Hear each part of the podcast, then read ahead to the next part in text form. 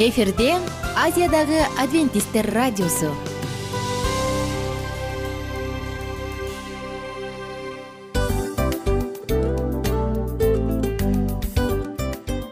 Достор салют.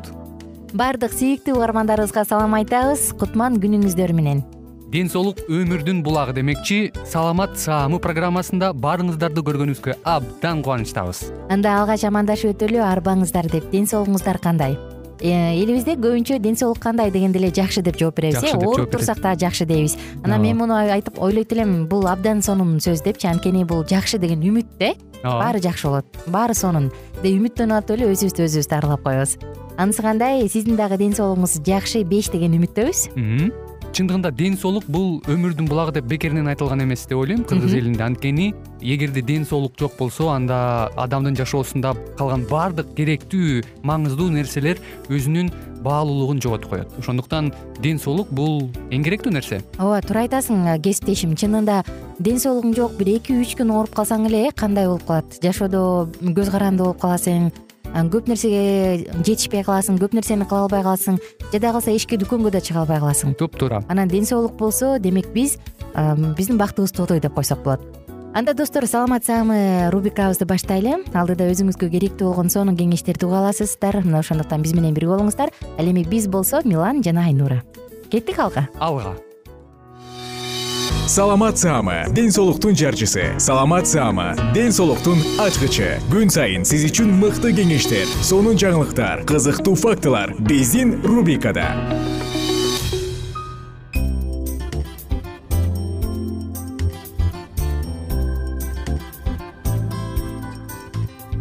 Салам достор айымдар жана мырзалар жалпыңыздар менен ысык салам айтам. Кайрадан амандашкан мен айнура бүгүн саламат саама уктуруусунда сасык тумоо жана суук тийүү деген теманын үстүнөн сөз кылабыз.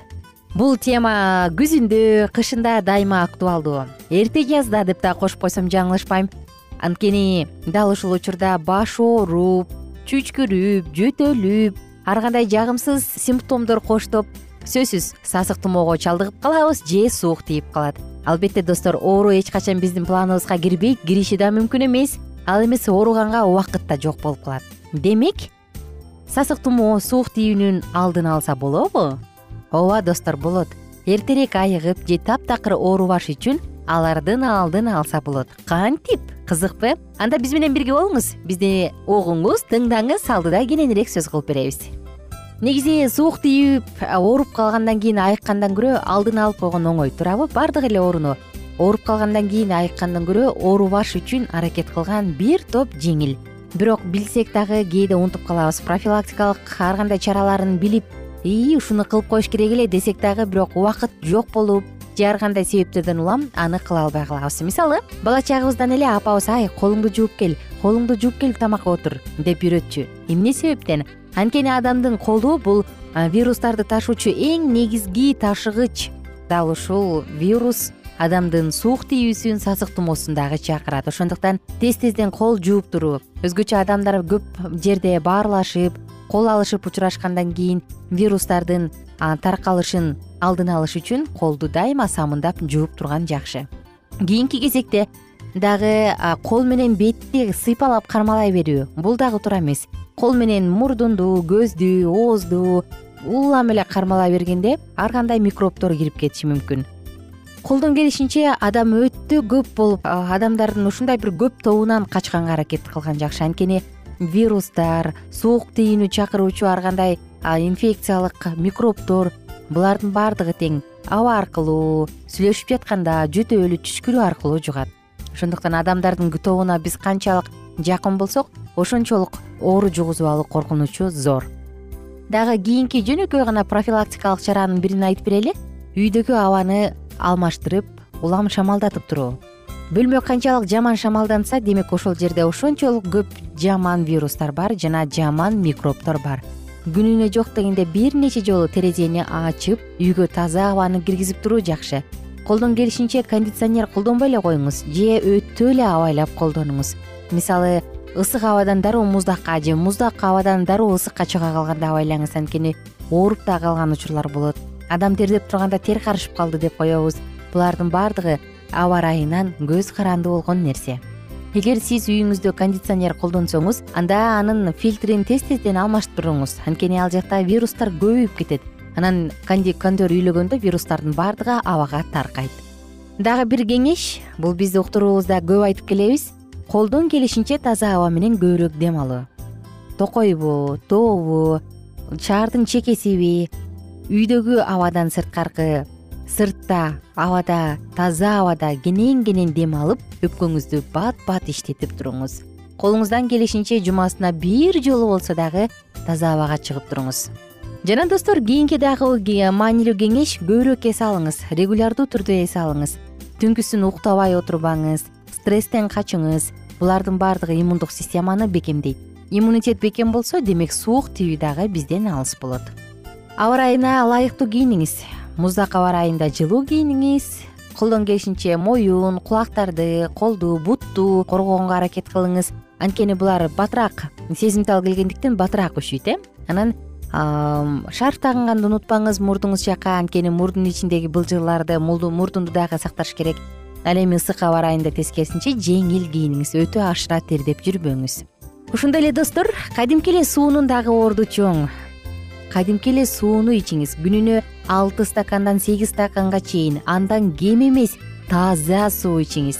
Булардын баардыгы мурундун ичиндеги көңдөйдүн баардыгын тең тазалап вирустарды жок кылганга жардам берет. Абаны нымдаштырып туруңуз. Мурунку уктуруубузда эсиңизде болуш керек э? Абаны нымдаштыруунун маанилүүлүгү канчалык зор экенин айтып бергенбиз. Дагы бир жолу айталы. Кургак аба болбойт. Кургак аба вентиляцияланган аба мурундун көңдөйүн кыжырдантат жана ар кандай суук тийүү сезгенүүлөрдү алып келет. Ошондуктан абанын нымдуу болушун көзөмөлдөңүз анан сөзсүз түрдө муну айта кетпесек болбойт тамактануу тамактанууга көңүл буруш керек. Көбүрөөк жашылча жемиштерди с витаминине бай антиоксиданттарды апельсин башка цитрус өсүмдүктөрүн киви шиповник ит мурун деп коебуз кыргызча. Булардын баарын көбүрөөк жегенге аракет кылыңыз бир аз бырылдай баштаган учурда уйдун сүтүнөн баш тартканыңыз жакшы сүт азыктарынан толук эле баш тартканыңыз жакшы. Анткени алар мурундун көңдөйүндөгү былжырды ого бетер көбүрөөк иштетип чыгарат. Жана сактансаң сактармын демекчи кадимки эле масканы кийип жүрүңүз. Медициналык маска дагы жакшы ыкма вирустардан колдонууда бул дагы өзгөчө грипп убагында сасык тумоо учурунда кийип жүрсөңүз өзүңүздү ашыкча тобокелчиликтен сактайсыз. Достор адамдын иммунитети канчалык жакшы болсо сасык тумоо суук тийүү ошончолук алыс болот. Ошондуктан антибиотиктерди ашыкча ичип иммунитетиңизди өлтүрүп албаңыз. Антибиотиктерди ичпей эле койгон жакшы.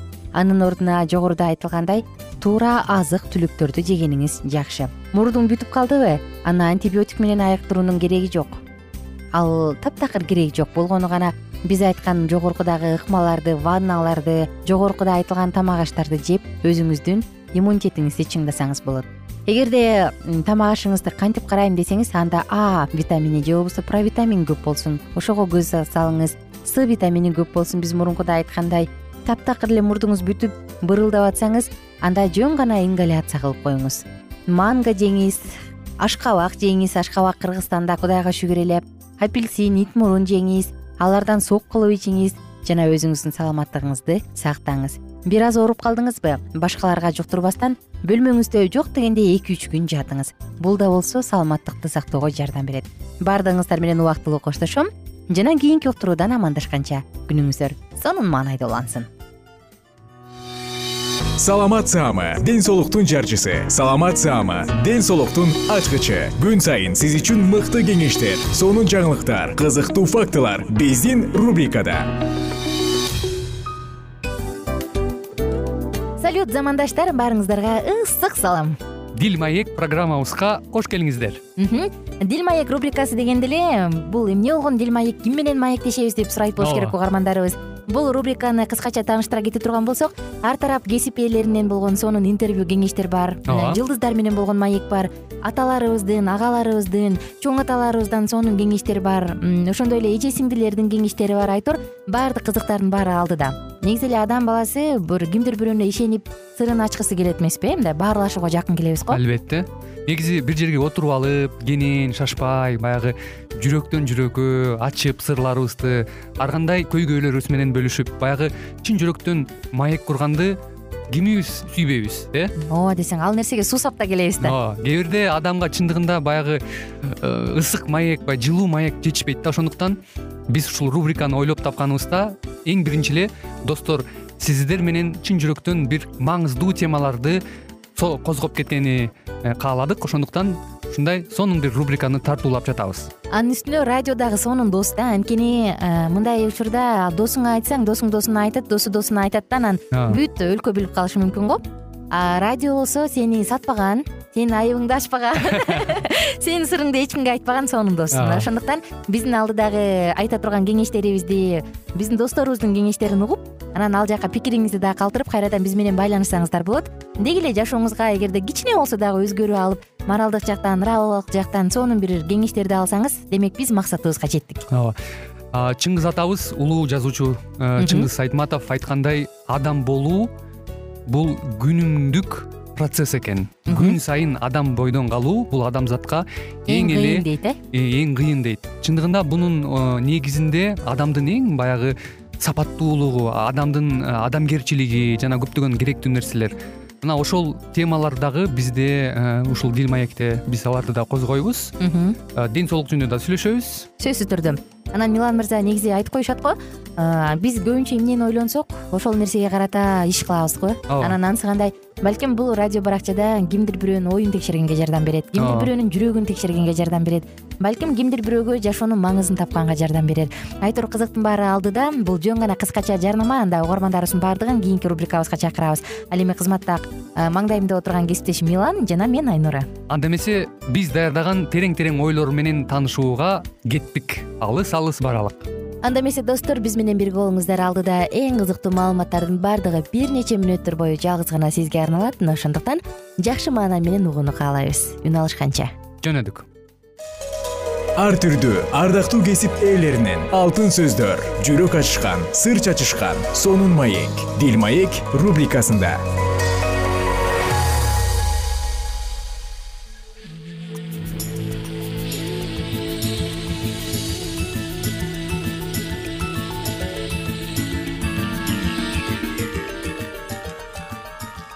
ассалому алейкум ардактуу радио угуучуларыбыз. Кайрадан эле сиздердин назарыңыздарда сүйүү жолугушуулар жана нике аттуу программабызды баштайбыз.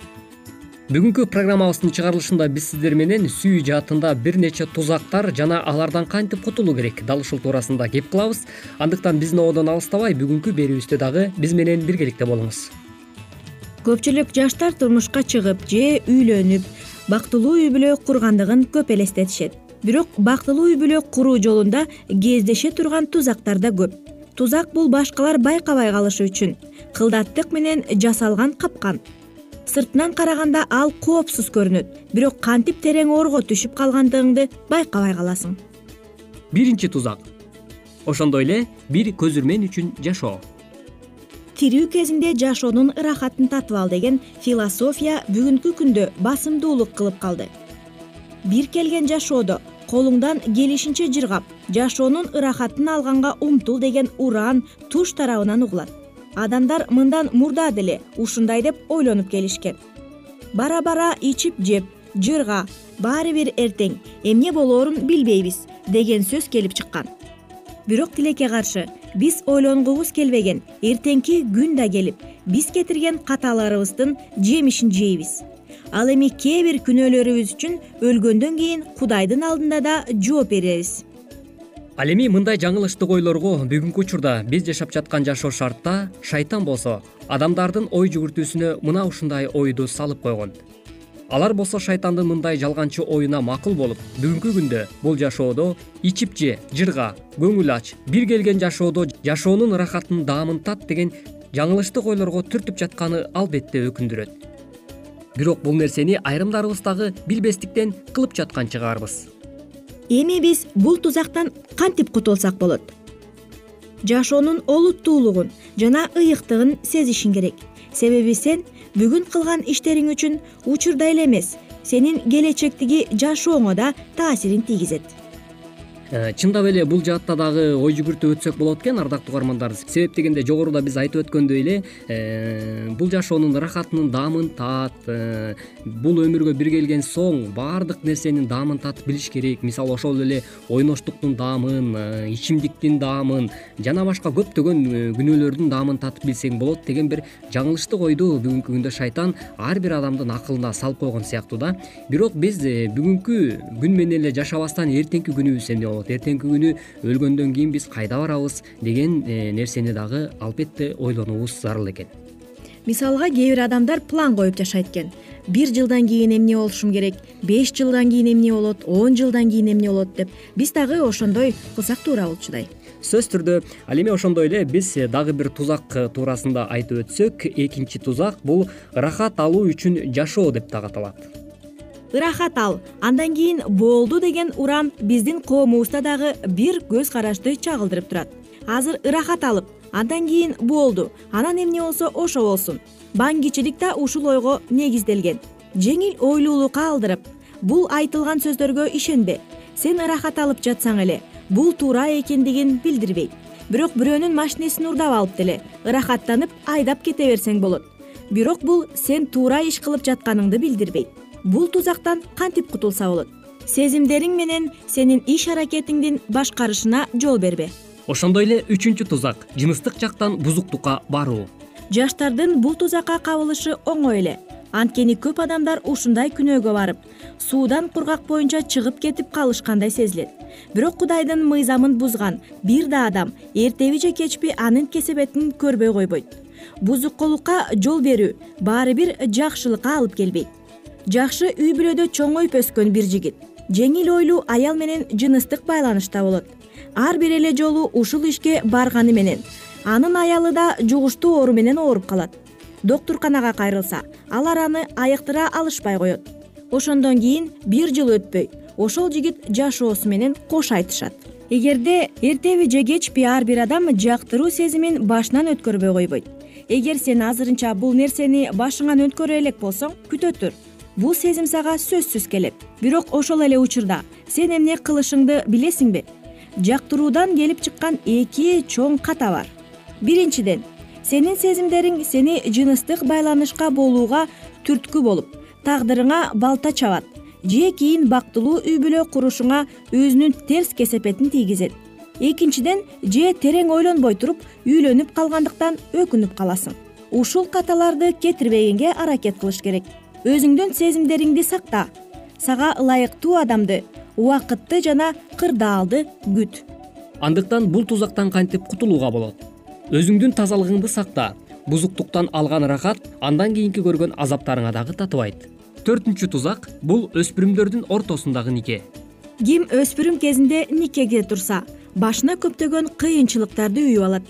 Себеби өспүрүмдүн ортосундагы ажырашуулар эки эсе көп кездешет колуктуу он сегизге чыга элек болсо бул көрсөткүч андан да көбүрөөк болушу мүмкүн. Экинчиден көпчүлүк өспүрүмдөр үй бүлөнүн жүгүн көтөрүүгө даяр эмес. Никеде үй бүлөлүк мамилелерди аткаруу үчүн толугу менен өзүн башка адамга арноо жана чыныгы сүйүү талап кылынат. Ушундай сүйүүгө ээ болушу үчүн адам башынан көптөгөн кыйынчылыктарды өткөрүп жашоого даяр болушу керек. Бул тузактан кантип кутулса болот? Бешинчи тузак нике бул жалгыздыктан качуунун жолу. Кыздар биз турмушка чыгып бактылуу болуу үчүн жаралганбыз деп ойлобошу керек. Анткени акыркы мүмкүнчүлүктү колдон чыгарып жибербейин деп. Айрым кыздар көзүн жумуп алып эле биринчи туш болгон адамга турмушка чыгып кетишет. Алар ошол адамдын кемчилигин көрүп турушса да жалгыз жашагыча жаман да болсо күйөөм болгону жакшы эмеспи деп ойлонушат. Бирок алар бактысыз нике жалгыздыктан да жаман экенин унутпашы керек. Миңдеген аялдар сага бул дүйнөдөгү бактысыз үй бүлөдөн өткөн жаман нерсе жок экендигин айтышат. Мындай нике жек көрүү кыжырдануу таарыныч менен ачууга толгон. Ушундай үй бүлөдө төрөлгөн балага убал. Бул тузактан кантип кутулса болот? Жалгыз жүрсөң дагы өзүңдү бактылуу сезгениңди үйрөн. Ошондо турмушка чыгып кетүүгө шашылбайсың кадырман радио угармандарыбыз ушуну менен бизге бөлүнгөн убактыбыз дагы өз соңуна келип жетти. Бүгүнкү программабызга назар салганыңыздар үчүн ыраазычылык билгизүү менен биргеликте бүгүнкү программабыздын дагы көшөгөсүн жапмакчыбыз. Биз кайрадан эле сиздер менен сүйүү жолугушуулар жана нике аттуу берүүбүздөн кезишкенче аман туруңуздар. Ар түрдүү ардактуу кесип ээлеринен алтын сөздөр жүрөк ачышкан сыр чачышкан сонун маек бил маек рубрикасында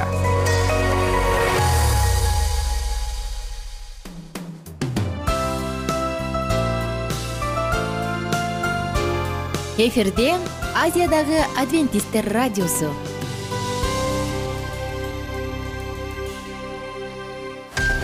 Жан дүйнөңдү байыткан жүрөгүңдү азыктанткан жашооңо маңыз тартуулаган жан азык рубрикасы.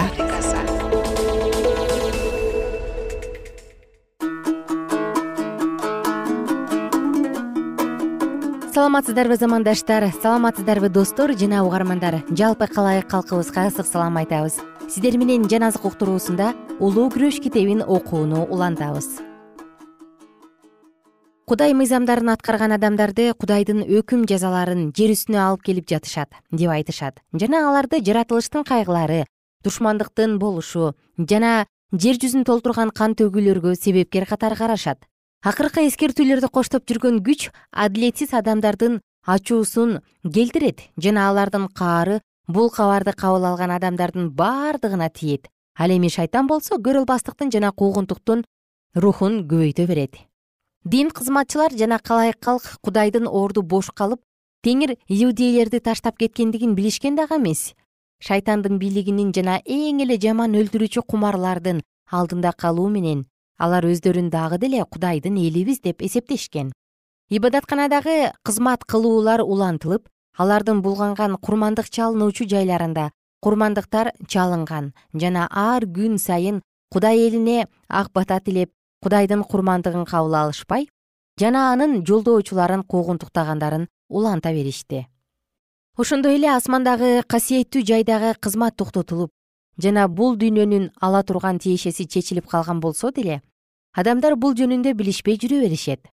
Кудайдын руху аркылуу калтырылып калган адамдар баштагысындай эле диний эрежелерди сакташып шайтан аларды өзүнүн айлакер иши үчүн пайдаланып жаткандыгын билбей кудайга карата кызганычын көргөзүп жаткандай көрүнүшөт.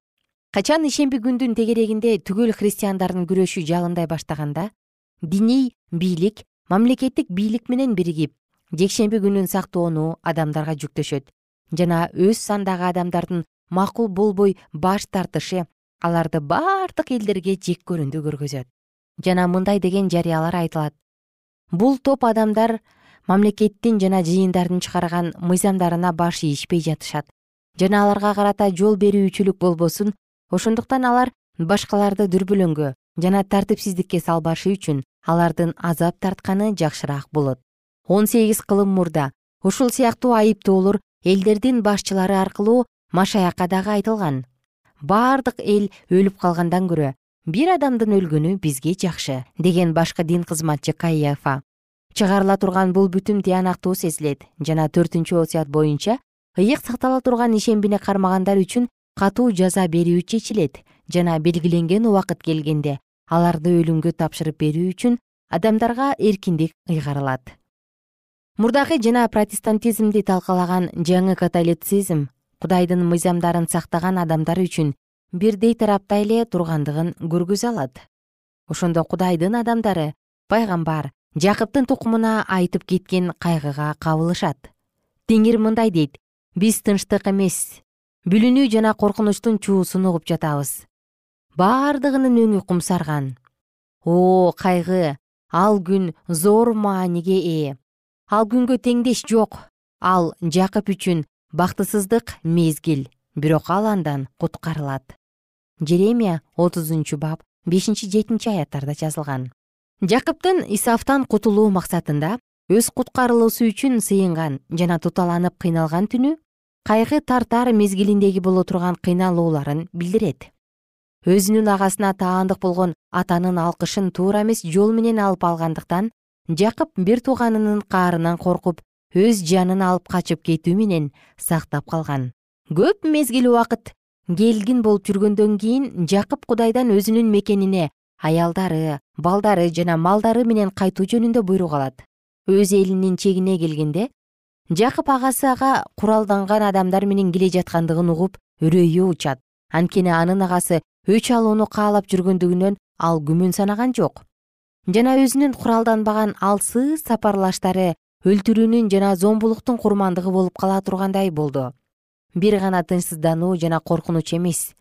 Анын абийири дагы бир кезде жасап кеткен иши үчүн туталантты жана ошол күнөө үчүн бардыгы өлүмгө кабылат деген ой андан кеткен жок. Анын бир гана үмүтү кудайдын ырайымына таянуу эле жана сыйынуу анын жалгыз гана калканычы болду. Келе турган коркунучтан кутулуу максатында жана бир тууганынын алдында өз айыбын тартуу үчүн ал бардык аракетин жасаган жана ошондой эле машаяктын жолдоочулары дагы акыркы мезгилде жакындап келе жаткан коркунучтан кутулуу максатында алар дагы адамдарга жакшы сапаттарын көргөзүшүп түшүнбөстүктү жок кылыш үчүн жана абийирге каршы коркунуч туудурган нерселерден арылуусуна болгон аракетин жумшашы керек эле. Жакып өзүнүн кайгысына эч ким күбө болбосун деп аларды өзүнөн оолак жиберип кудайдын куткарып калуусун тилешиш үчүн кудай менен жалгыз калды. Ал өзүнүн күнөөсүнөн тобо келтирип теңирдин көргөзгөн ырайымы үчүн даңктады. Жана анын аталарына берген убадалары момундук менен эскерип жана качып бара жаткандагы вефилдеги түндөгү көргөн аянын айтты. Анын өмүрүнүн өтө оор кырдаалы келди. Жана жашоо үчүн бардыгы коюлган. Караңгылыкта жалгыздыкта ал өз кудайга болгон сыйынуусун улантты жана өзүнүн жоошу капысынан анын далысына кол тиет. Душман анын өмүрүн алганы жатса керек деген ой пайда болот. Жана келген менен күрөшө баштайт.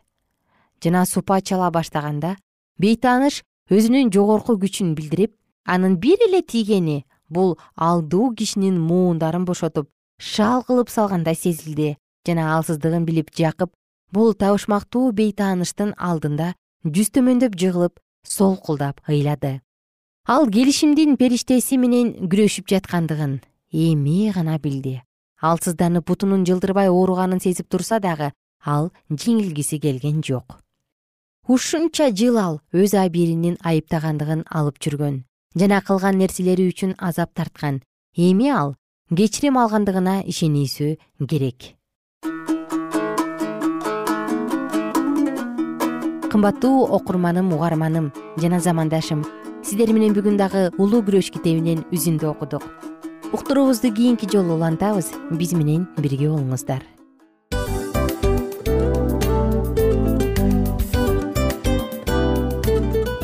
Мына ушинтип убакыт дагы тез өтүп кетет экен. Биз дагы радио уктуруубуздун аягына келип жеттик келип кубандырдыңар эми кетип кубандыргыла деп тамашалап калышат эмеспи? Анысы кандай? Радио баракчабызды программабызды азыр эле баштап аткандай болдук элек. Мына соңуна келдик э? Негизи убакыт э, билинбей өтүп кетет экен? Мен дагы убакыт дегенде бүгүн бир адам менен сүйлөшүп калдым. Анан убакыт бул мүмкүнчүлүк деп айтып өзүмө өзүм айтып алып анан мага өзүмө эле кайра ачылыш болду да чын эле. э карап отурсаң ошол эле жыйырма төрт саат ошол эле жарым саат кайталанып атат. Бирок сендеги мүмкүнчүлүк жок ошол кой берилип кетти? Анысы кандай? Бүгүнкү сонун убактыңызды алтындай болгон жарым саатыңызды бизге бөлүп арнаганыңыз үчүн ыраазычылык айтабыз. Анан жашооңуздун кайсы бир сферасын өзгөртө турган сонун пайдалуу кеңеш алган болсоңуз анда биз максатыбызга жеттик. Анан ушул нерсени кылбасам десеңиз ошол өзгөрүүлөрдү кичинекей кадамдардан баштап иш жүзүнө ашырыңыз дагы жашооңузда чоң чоң ийгиликтерге жетиңиздер чын жүрөктөн ар бир берилген кеңештер сөздөр сиздерге пайдасын алып келет деп ишенебиз. Жана кийинки уктурууларда сөзсүз түрдө чыдамсыздык менен сиздерди күтөбүз. Сагынычтуу салам айтып кайрадан дал ушул жыштыктан баардыгыңыздарды тосуп алганча кызматта мен айнура жана кесиптешим милан анда кол булгалайбыз жалпыңыздарга ийгиликтүү күн. Саламатта калыңыздар